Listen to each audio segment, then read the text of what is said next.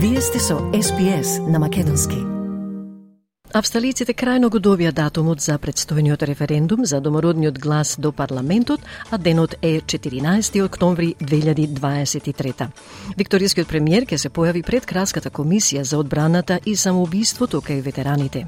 Председателот на Европскиот совет Шал Мишел на форум во Блед изјави дека Европската унија мора да биде подготвена да прими нови земји членки до 2030 година.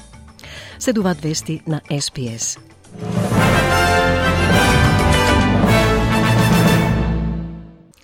Австралиците денеска го добија датумот за референдумот на домородниот глас до парламентот, за кој анкетите покажуваат дека сега има мнозинска поддршка за гласањето за во Јужна Австралија. Премиерот Антони Албанезе, што току го најави 14 октомври 2023 како денот за референдумот.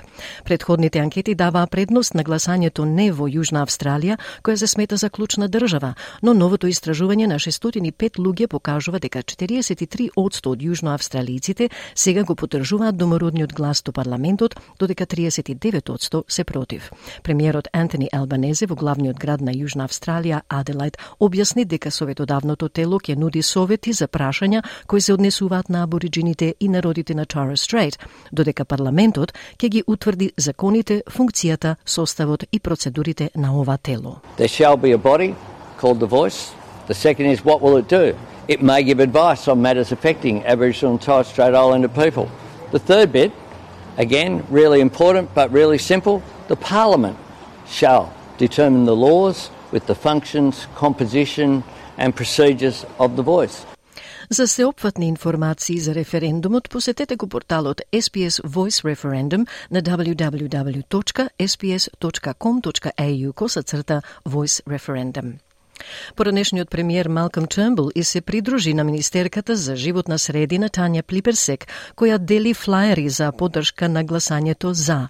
Иако господинот Чембл не го поддржа предлогот за референдум кога првпат беше представен во 2017 година, тој вели дека многу работи се промениле од тогаш и дека сега го поддржува.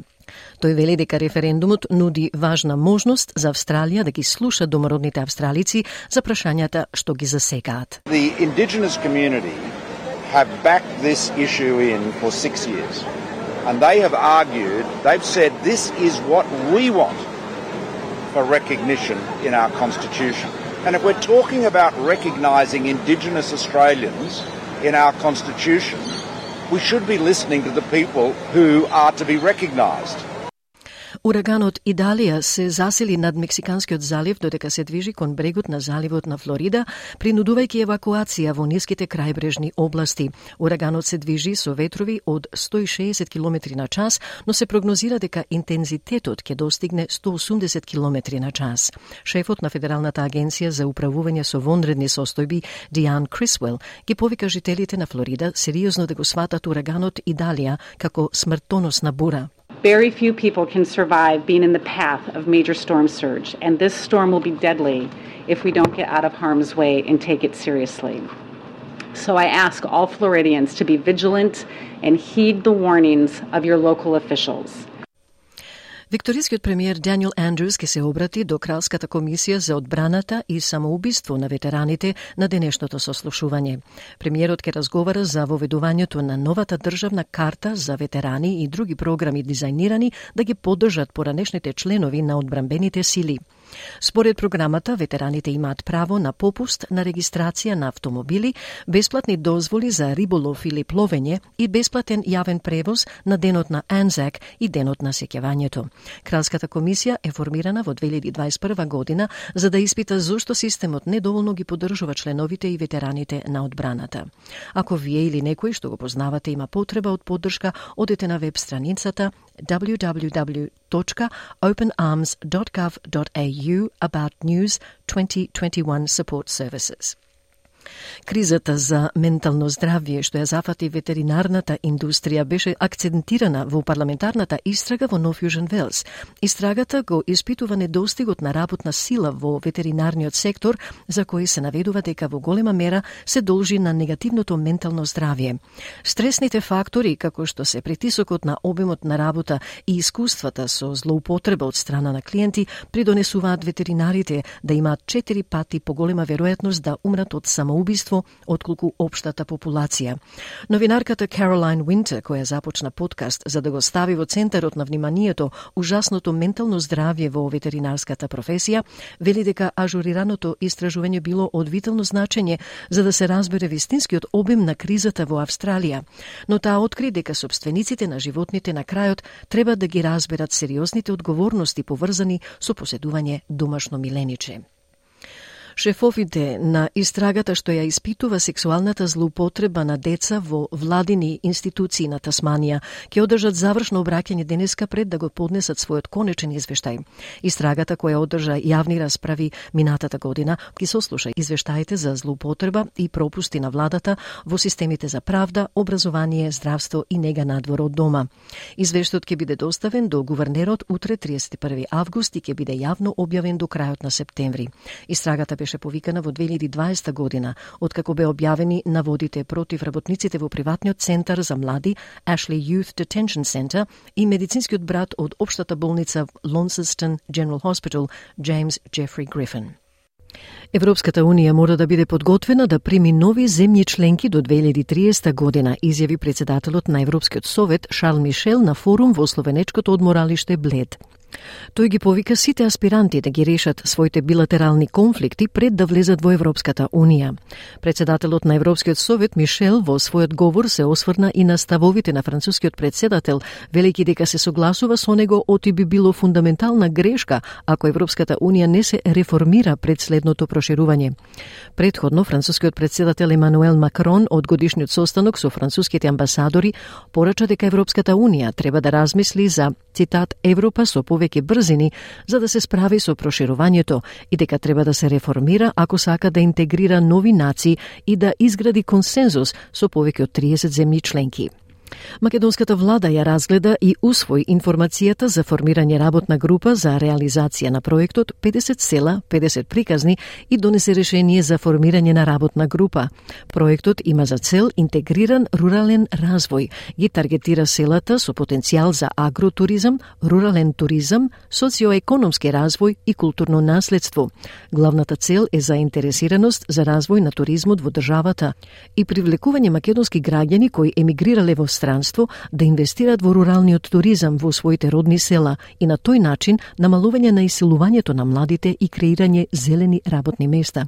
Временска рамка на проектот е 4 години почнувајќи од оваа година до 2026.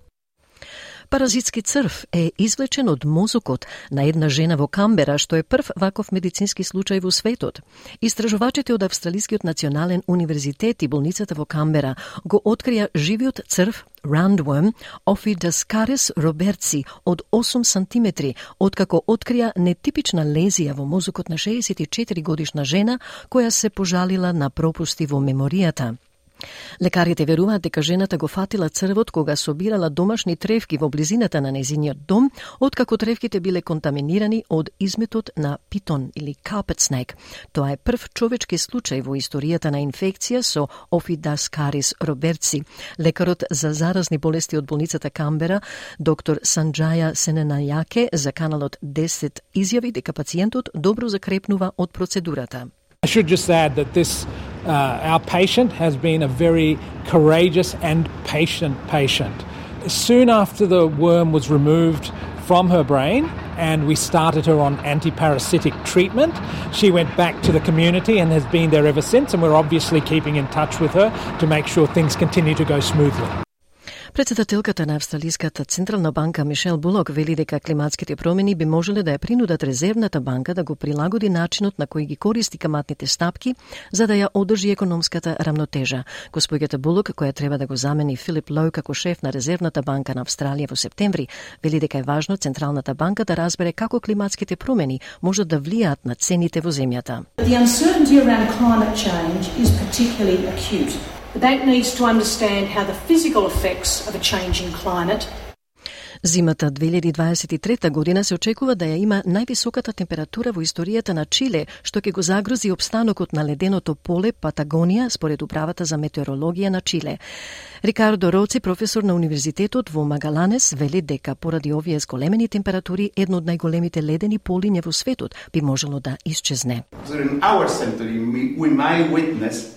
The disappearance of the whole Patagonian ice. That's the more drastic scenario.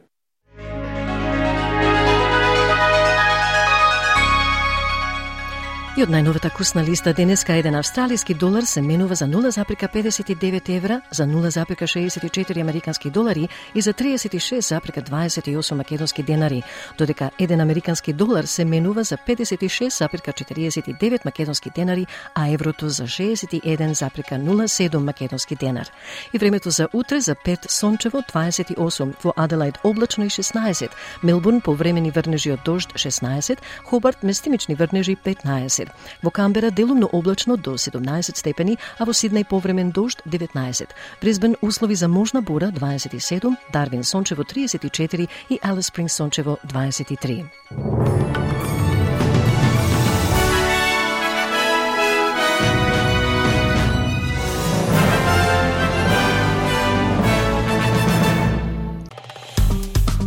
Стиснете, ми се допаѓа, споделете, коментирайте. Следете ја SPS на Македонски на Facebook.